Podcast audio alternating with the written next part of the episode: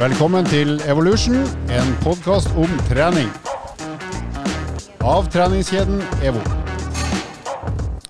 Hei på oss og hei på deg. Vi er tilbake igjen i Evolution Studio, og vi skal snakke om et tema som mange grubler på når de trener på egen hånd, nemlig kombinasjonen av kondisjon og styrketrening. Går det bra, eller går kondisjonstreninga utover styrke, spenst eh, og muskelvekst? Men før det så skal vi snakke med dagens panel. Lars Mæland og Andreas Skjetne, god dag til begge to. God dag. Hallo, Jern. Halloi. Du er fortsatt i eh, karantene, Lars. Og for de som lurer på, hæ, har du vært der i to uker? Nei da. Men uh, vi har laga en podkastepisode bare tre dager etter den forrige, så da er du fortsatt ikke ute av Betlehemstjerna og leiligheten. Nei, jeg har en siste dag igjen, så jeg kan få teste meg ut. Med negativ test så kan jeg gå ut av karantene. og Da back on track. Men jeg er frisk som en fisk. og Hei hopp. Hva slags test har du tenkt å ta? Er det Nei, kondisjon det blir... eller styrke, eller er det 3000? Det er en watt-test, så jeg skal over 400 watt på 20 minutter. Ja, Da, får du, da slipper du ut. Da er du åpenbart frisk. Da er du åpenbart frisk nok. Det høres ut som det blir lang karantene. ja, det blir lang karantene. Ja, det er bra. Vi skal snakke litt om Det er jo vinter, eh, så uansett hvordan været er akkurat der du bor, så er det vinter per definisjon. Og eh, hva er det vi eh, bruker vinter til sånn i aktivitets- og treningsmessig? Andreas, du er jo kjent for å løpe, men hva gjør du om vinteren? Er det bare løping? Eh, vanligvis er det bare ski. Eller altså ikke bare ski, da, det har noe løping. Det som jeg har gjort de siste årene, er at jeg har prøvd å gå mest mulig på ski. Og så har jeg prøvd å bevare én til to intervalløkter, hvor jeg da egentlig bare rent kynisk er ute etter å trene hjertemuskelen på den måten som jeg er best til. Så derfor så da går jeg inn på en tredemølle, eller løpt inne på Bislett f.eks. Og så er det bare da å få sanka tid hvor hjertemuskelen banker ganske tøft, hardt, øh, over litt lengre tid. Og så er egentlig målet å gå fortest mulig på ski. Mens i vinter så er det jo litt spesielt, fordi um, skigåing minner jo kanskje litt mer om sykling i tidsbruk. Mm. Du får uh, det, er, det, er, mye lettere å gå på ski, så du blir gående litt lengre. Du har litt nedoverbakker. De rolige turene på ski kan være mye lengre enn de rolige turene på løp. Samtidig så er det jo sånn at hvis du da bor i Oslo, som jeg gjør, så må du jo komme deg til Marka, så da bruker du gjerne kanskje en halvtime i hver ende, bare på inn i bilen, ut med utstyr. Så, så, det spiser veldig mye tid, så derfor så blir det nok mest løping i, uh, i vinter. Og da har jeg tatt i bruk én ting som, uh, som, fungerer veldig veldig bra. Det, joggesko. Ja, joggesko. Det, du løper på ski, da? Løper på ski, sånn som Klæbo. Jogger på ski mm. på mølla. Nei, så, så, det jeg har begynt å gjøre, da, det er at jeg kjører veldig mange økter på tredemølle. Det, som er tilbakemeldinga jeg får fra veldig mange når jeg har innført tredemølle, det er 'Å, ja, men det er jo så kjedelig'. Og så pleier jeg å kontre, da, i hvert fall til de jeg kjenner godt, så sier jeg jo altså, det pleier å være så sabla gøy det du gjør ellers.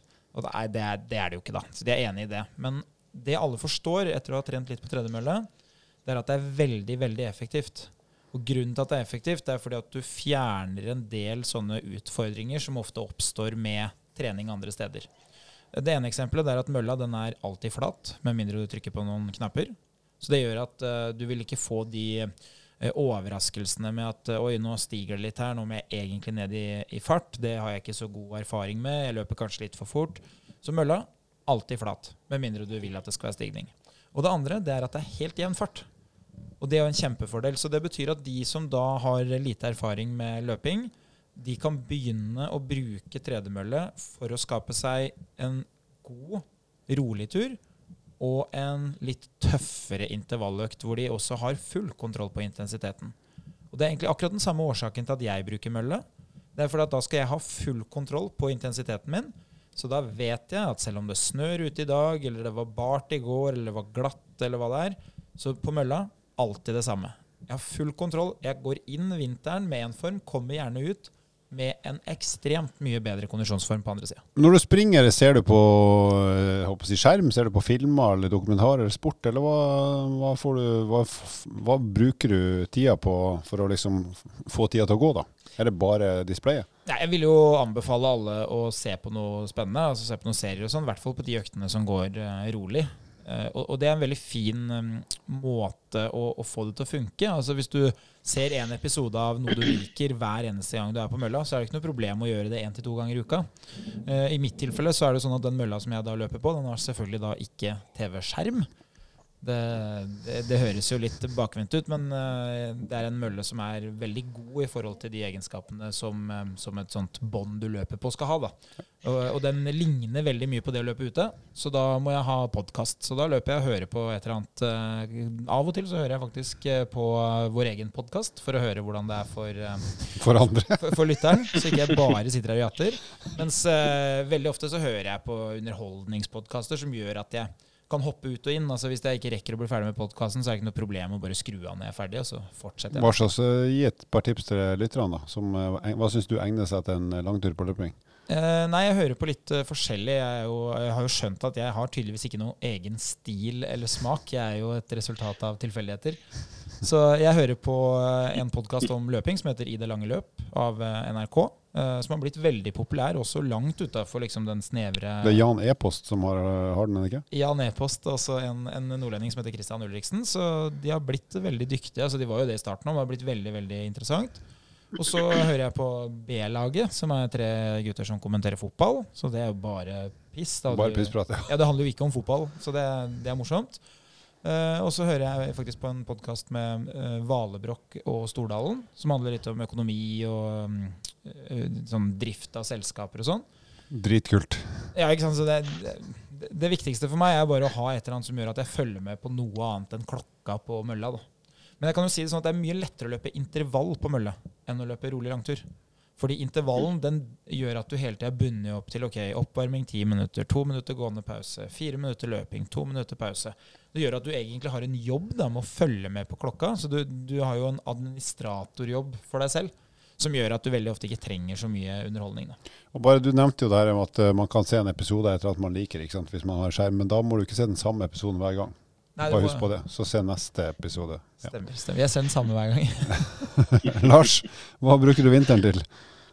Nei, det blir litt sånn som Andreas. Ehm, jeg har jo dog eh, løpt inne på mølla ganske lenge i høst òg. Jeg liker intervallene på mølla, for det er min, i min hverdag er tidseffektivt. Og jeg har gjort det i forbindelse med jobb eller andre eh, oppgaver. Så, så, det å kjøre intervallene på mølle funker veldig fint for min del. Og er òg ja, eh, rett og slett motiverende for det å ha noen andre som er rundt deg. For det er det jo på de fleste treningssenter. Da føler man litt at andre ser på at du gjør jobben.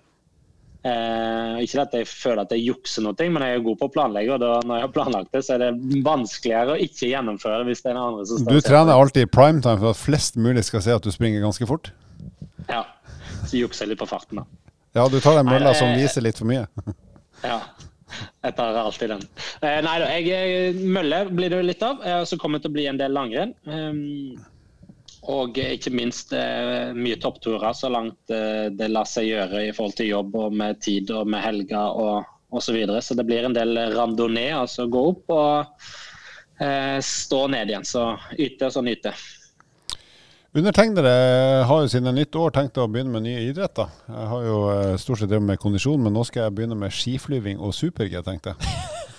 Prøve å kombinere de to i den kroppen her. Det hadde vært en hissig kombinasjon. To med to verdener. Der, jeg skal ikke begynne med skiflyging. Slapp av, mamma. Og uh, dessverre, barn. Jeg kommer til å overleve, for jeg skal ikke hoppe langt og ikke hoppe høyt. Jeg skal heller ikke kjøre super-G.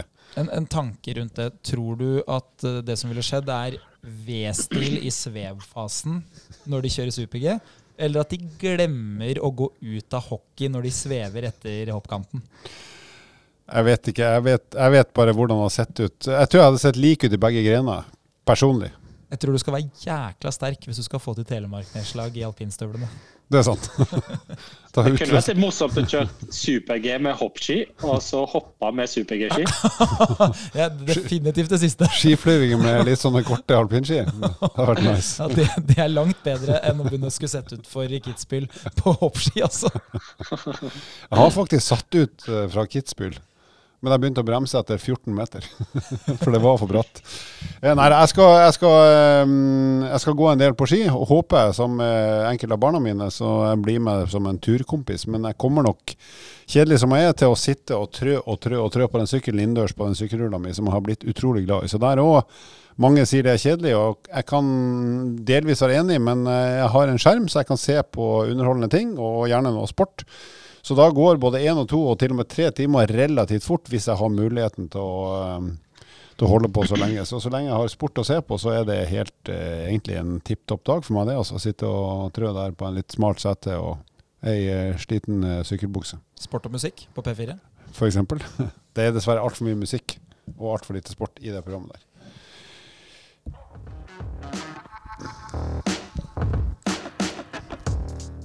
Mål! Tor! Yes, vi skal Nå kommer han brasilianeren der borte på uh, høyrevingen. Vi skal snakke om eh, eh, kombinasjonen av kondisjonstrening og styrketrening, og hvordan det påvirker hverandre. Og da med utgangspunkt i kan kondisjonstrening redusere eller ødelegge effekten av eh, trening for å øke styrke, spenst, eksplosivitet og muskelvekst. Og eh, inspirert av en eh, dyktig kar som heter Andreas, som eh, heter Max Prestasjon på Instagram, så har vi tatt tak i det temaet her. Han har publisert et innlegg der han går gjennom en del artikler som har sett på kondisjonstreningas effekt på ulike styrke- og spenstvariabler. Så den anbefales på det groveste. Max prestasjon på Instagram den, den har utrolig mye fin og informativ og lettlest eh, informasjon om trening. Så spørsmålet er rett og slett vil kondistrening ødelegge for styrke, spenst og eksplosivitetstrening? Eh, og er det mulig da å kombinere utholdenhet og styrketrening? Og til det siste først, ja selvfølgelig går det an å kombinere kondisjonstrening og styrketrening. Det går an å trene de i samme økt. Du kan trene styrke først, kondis etterpå, kondis først, styrke etterpå. Du kan ha enkelte dager der du trener ene eller det andre. Så det, det i seg sjøl er ikke noe problem. Men nå skal vi prøve å gå litt inn i hva slags, uh, hvordan det kan kombineres best mulig. Så eh, i en samlestudie som da Maks Prestasjon på Instagram har gått igjennom, så har de kikka på ulike forskningsstudier der de har, har sett på eh, ulike mennesker som har prøvd å kombinere det her på eh, diverse måter. Eh, det har vært eh, unge folk, litt mer voksne folk, som er helt oppe i min alder, sånn 69 pluss. Og så har de vært i alt fra veldig god form til helt utrent. Så det, det er en ganske stor variasjon her. Det vi kan slå fast aller først, det er at kondisjonstrening i seg sjøl har liten eller ingen negativ effekt på muskelvekst. Merk dere det. Altså muskelvekst i seg sjøl blir i liten grad hemma av kondisjonstrening. Eh, og det er nesten gjennomgående i alle de studiene som er gjennomgått her. Og eh, Hvordan harmonerer det med egne erfaringer og kunders erfaringer, og ikke minst utøvere dere har trent, eh, folkens? Vi kan begynne med deg, Lars. Du har jo operert på et ganske høyt nivå med utøvere. Ja, Hvis vi begynner med, med de jeg har hatt nå sist, og det var jo alpinistene og alpinlandslaget herrene, så, så harmonerer det egentlig ganske bra. Eh, arbeidskravene til en alpinist er jo, er jo veldig eh, si, varierende. Det vil si, de må være litt gode på alt. Vi omtaler dem som en sånn jack of all trades. så de må ha så god styrke som de overhodet kan. De må ha så god eh, maksimalstyrke, utholdenhetsstyrke, kondisjon og behendighet, altså koordinasjon. Så, så det her passer jo egentlig helt perfekt.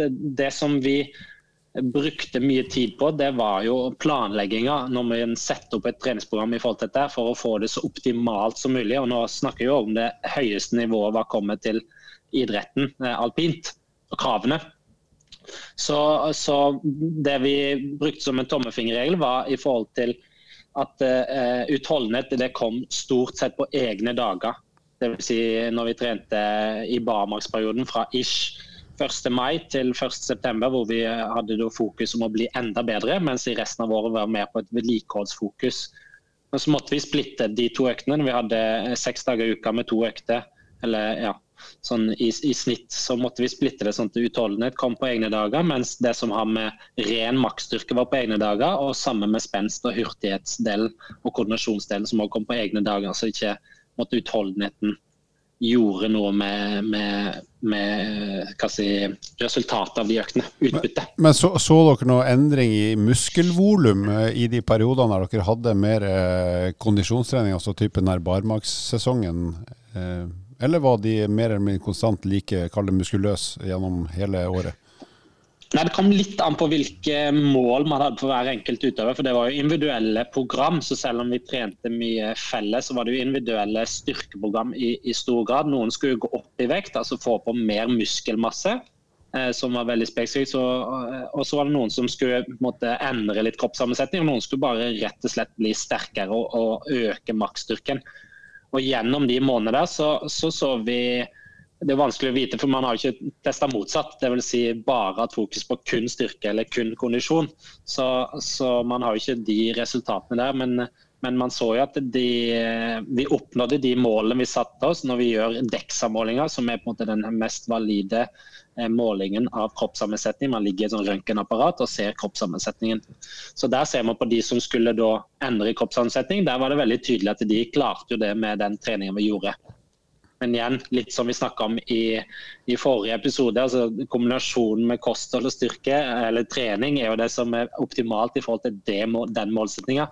De som skal opp i bare ren maksstyrke, blir sterkere. Så så man jo òg at muskelmassen endra seg, at man fikk mer muskelmasse enn man hadde fra før sesongen. Sånn eh, rent nysgjerrig, da. Eh, vil det si at eh, alpinister er, de er egentlig i best form akkurat idet sesongen starter, og så blir altså, Misforstå meg rett, da. De blir jo bedre på ski, selvfølgelig, men, men de blir egentlig i dårligere form utover eh, vinteren, med mindre de liksom klarer å tviholde på den formen de hadde. Ja, vi, sånn som teståret var lagt opp, så hadde man ofte en sånn stor test- eh, og testbatteri og testdag, eller dager, i, i, eh, i mai. Og så hadde man en i slutten av barmarksperioden, altså type juli-august, hvor man da testa oftest best men eh, man hadde òg noen tester når, når, sesongen var litt i gang, dvs. Si ute i oktober. Så man har jo trent barmark, og man trener jo fysisk hver dag. Men da gjør man litt sånn som deg, i Halvor, og sitter på en sykkel og tråkker. Og kjører litt mobilitet og gjør litt andre øvelser innimellom. Men det gjør man stort sett hver eneste dag. Men man ser på de resultatene òg i, i, si, i snitt ca. to måneder etter man gjorde den beste testen, så er det ikke, det er ikke mange prosent nedgang hva kommet til maksstyrke òg i forhold til OT-opptaket når man tester noen måneder etter.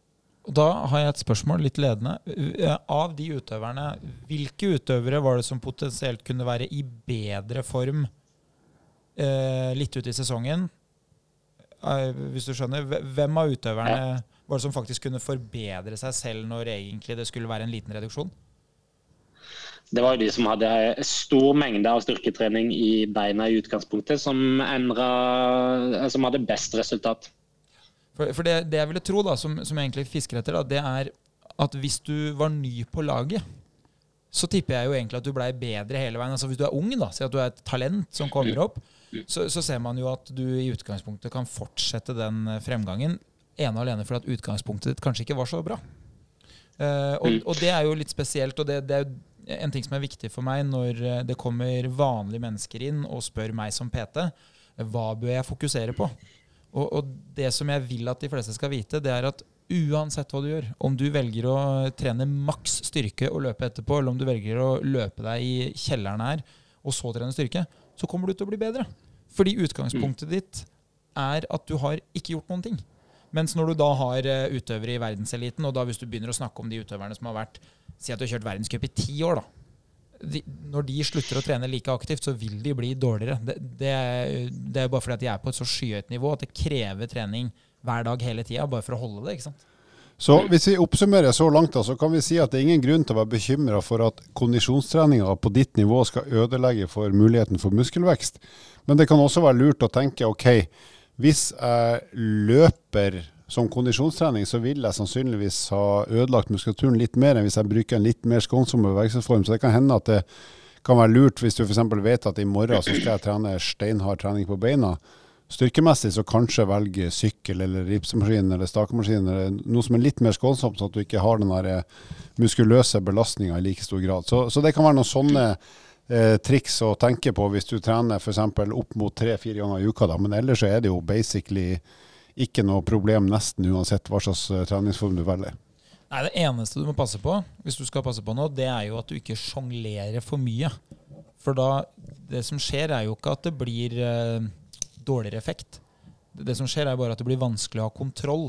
Så hvis du sier at du eh, fra uke til uke driver og eh, regulerer om du en dag sprinter før knebøy, mens neste dag er uthvilt, så må du vite at da, da, er det vanskelig å ha kontroll, fordi da, da, kommer du med et helt annet utgangspunkt.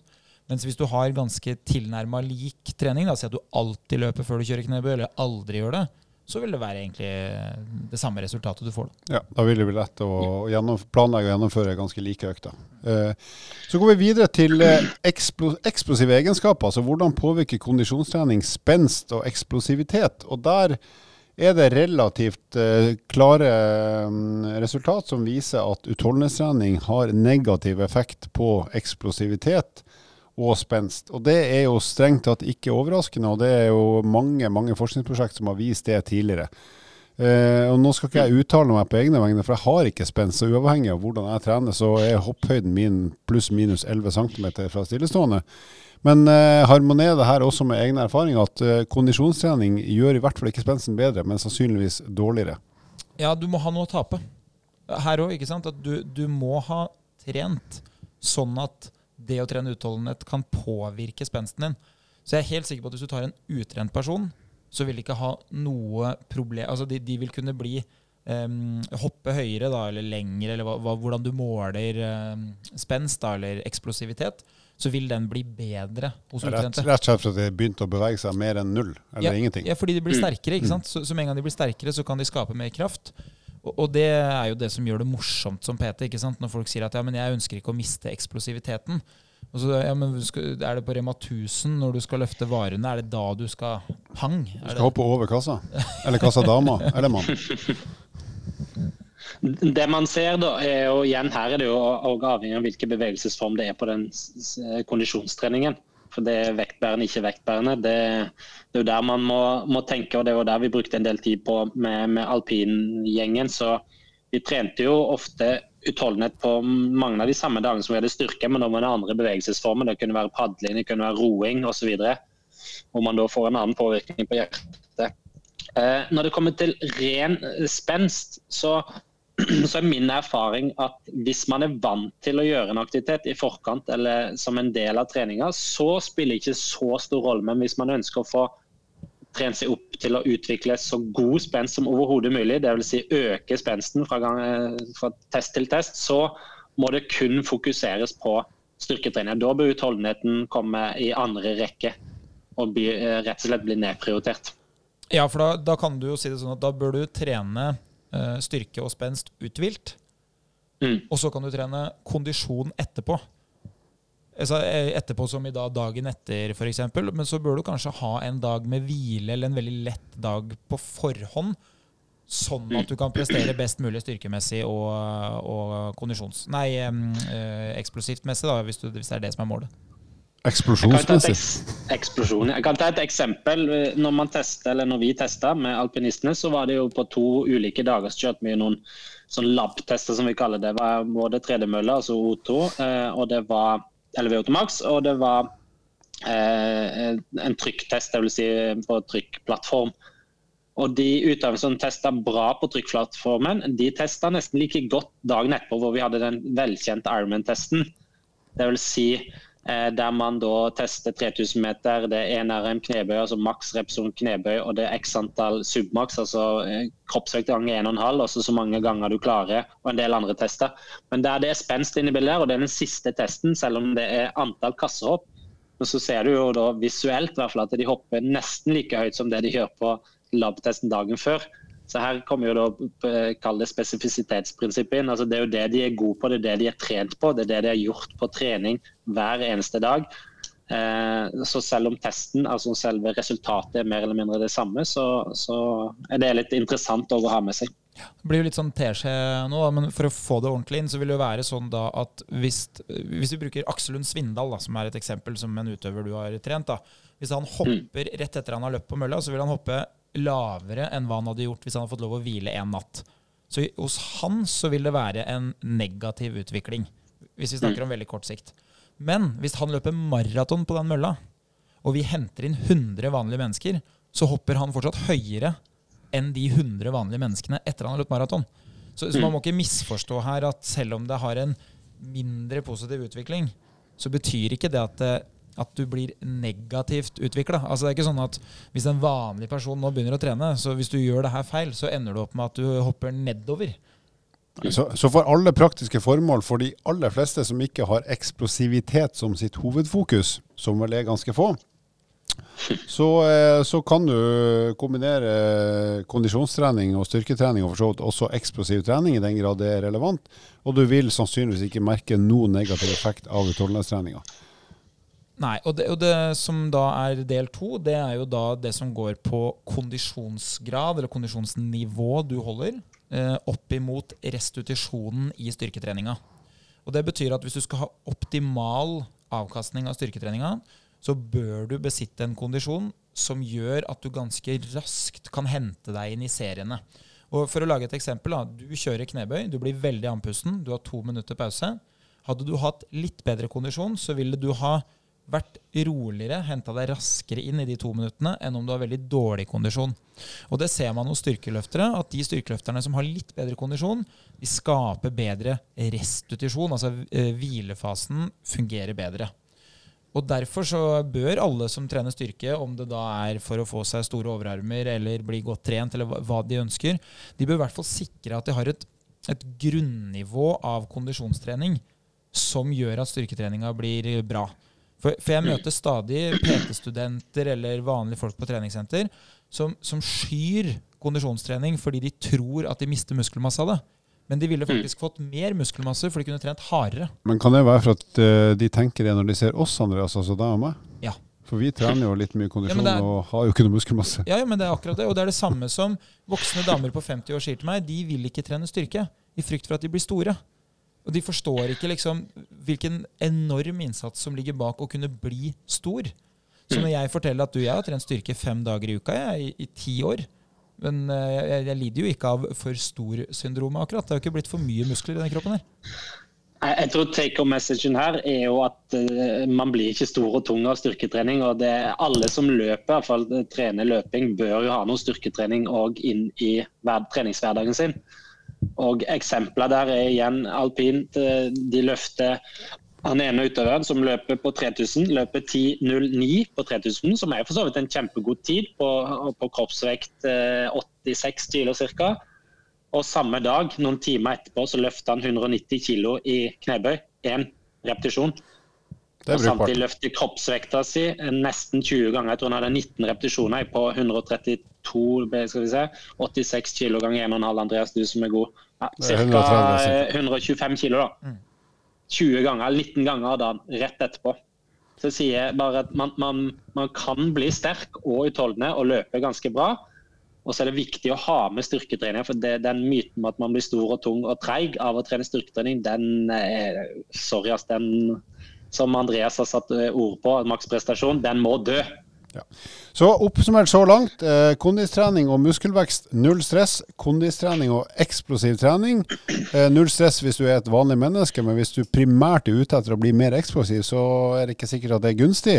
Og så har vi den siste faktoren, og det er kondisjonstrening sin påvirkning i forhold til utvikling av maksimal styrke. Altså Vi har snakket om muskelvekt, som da er størrelse på muskler, men nå snakker vi altså om din maksimale evne til å utvikle kraft, det vi kaller maksstyrken.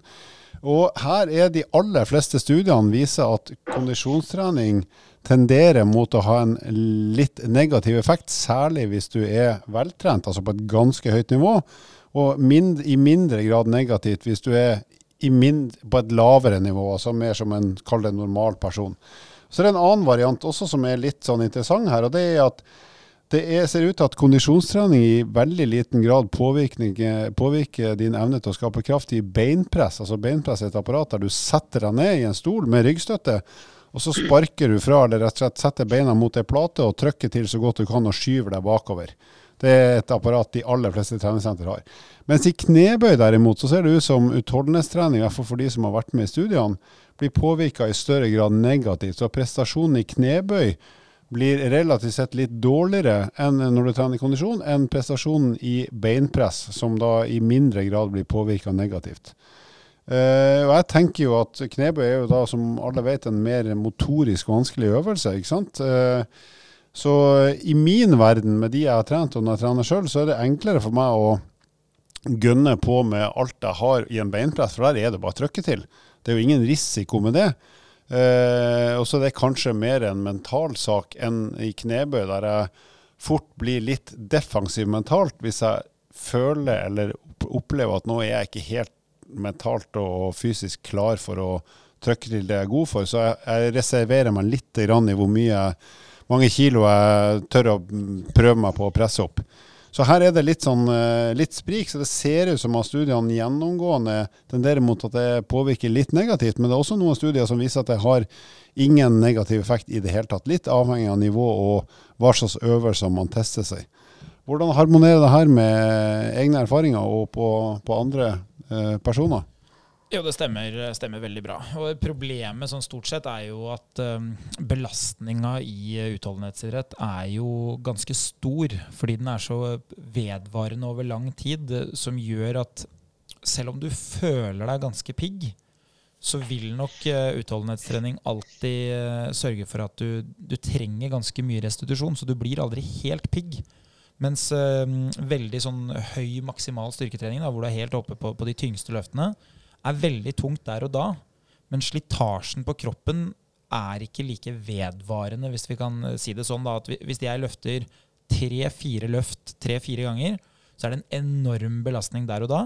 Men det varer ikke så veldig lenge på kroppen. Som gjør at eh, hvis man da skal kombinere de to tingene, så, så, vil det være hva du har gjort på forhånd, som vil prege deg i den økta hvor du skal gjøre det bra. Så det er egentlig ikke der og da problemet er, men det er hva du kommer inn med. Og hvis du da hadde avstått litt fra styrketrening, nei, fra mm, kondisjonstrening, så ville du nok vært mer uthvilt og vært litt skarpere. Så Derfor så kan det være smart å da blokklegge litt, istedenfor at man banker begge deler hele tida. At man da tar en periode, kanskje på en måned, hvor man trapper litt ned på utholdenhetstrening, og heller øker da liksom fokuset på de eh, styrkeløftene som man ønsker å, å prestere i. da. En viktig eh, essens her, for å gå litt i detaljene, detaljene det er jo hvilke krav knebøy stiller til, eh, til, spesielt det som har med kjernemuskulatur. For Den vil jo bli påvirka eh, og måtte bli belasta x antall steg hvis det er løping du driver med. Der du kan gange kroppsvekta med x i forhold til både tempo og grad av stigning. Og den eh, krafta og eh, si, det å være frisk og rask og, og uthvilt i kjernemuskulatur er man jo avhengig av, spesielt i en, i en øvelse som knebøy for å sammenligne knebøy og beinpress. Mens på beinpress er man mer eller mindre null eh, grader avhengig av å være sterk i kjerne.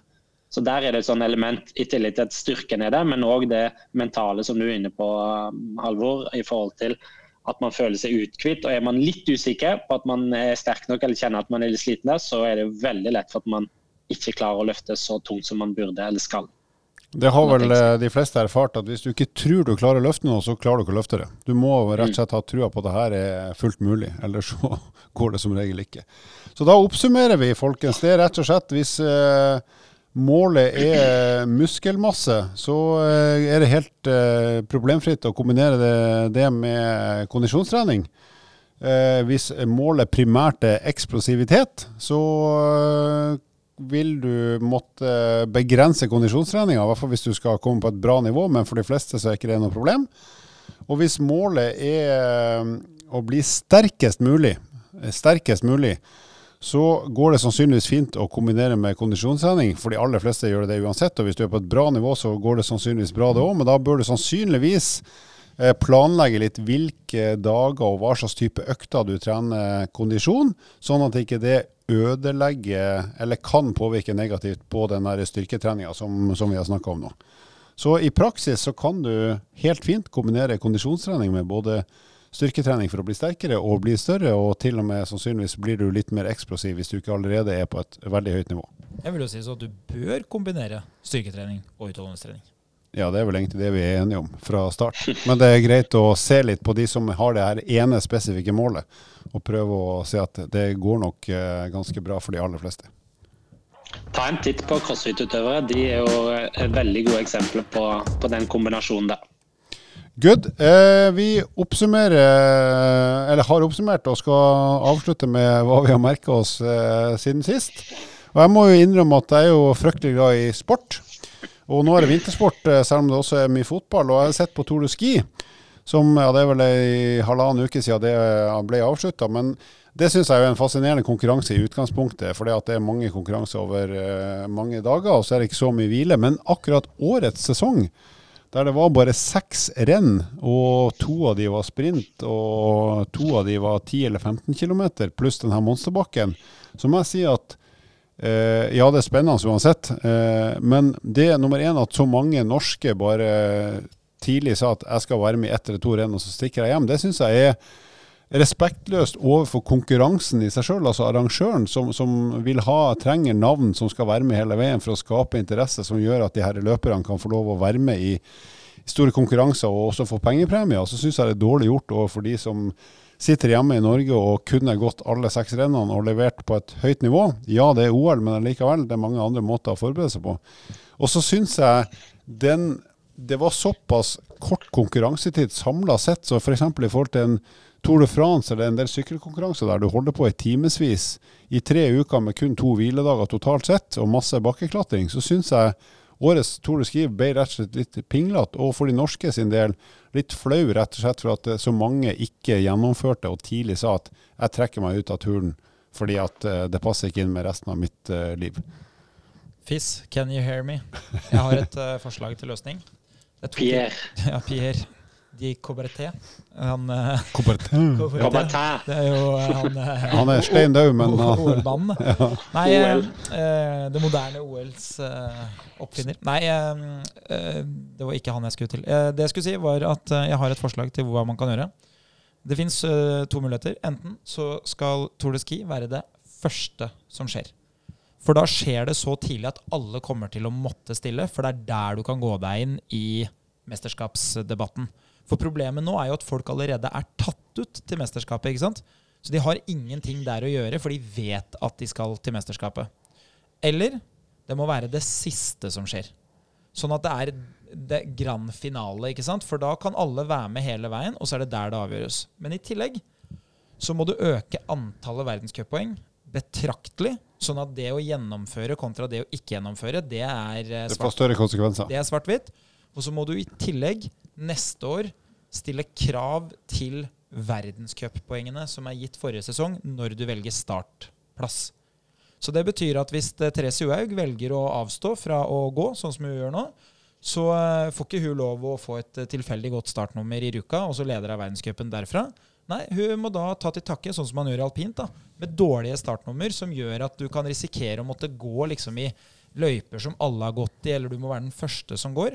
Sånn at det blir en liten risiko å avstå. Fordi, når sant skal sies, hvis langrenn Altså hvis de beste norske utøverne skal kunne drive med langrenn, vi skal kunne se på det, og, og det skal være den sporten her, så, så, må du ikke miste de mulighetene her. Altså fordi eh, ja, jeg, jeg, sa det litt stygt her for et par år siden, men med Sundby og sånn, når han diskuterte liksom eh, hvordan det burde være, så, så, hadde jeg veldig lyst til å si at du går ikke på ski fordi det er en menneskerett å gå på ski du leverer et underholdningsprodukt som vi har lyst til å se på, som gir deg muligheten til å gå på ski.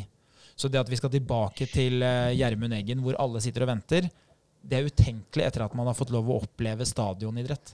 Mm. Så, så, det må noen kraftige endringer til.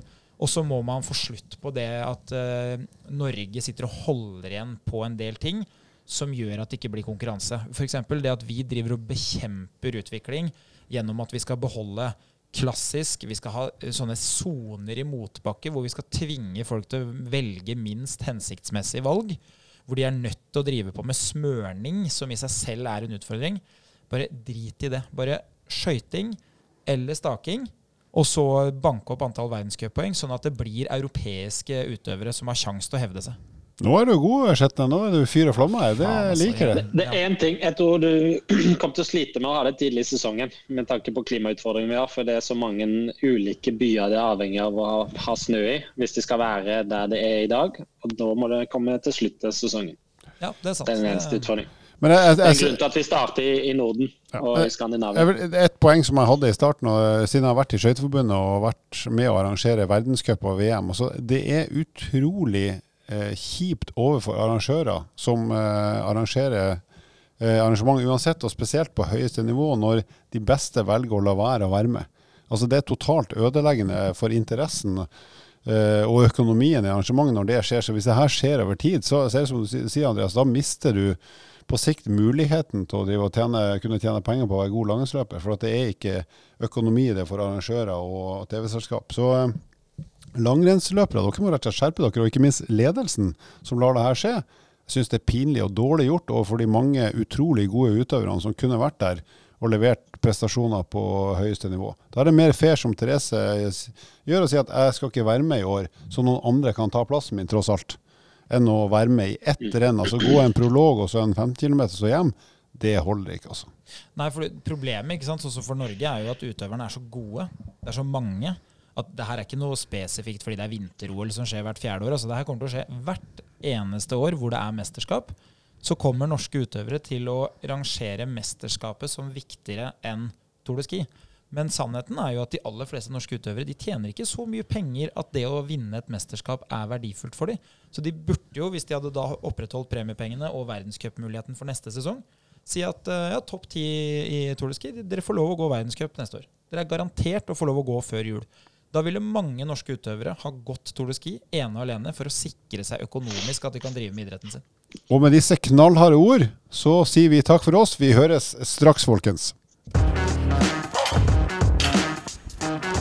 Vil du vite mer om trening, abonner på podkasten og sjekk ut vårt treningsmagasin på evo.no.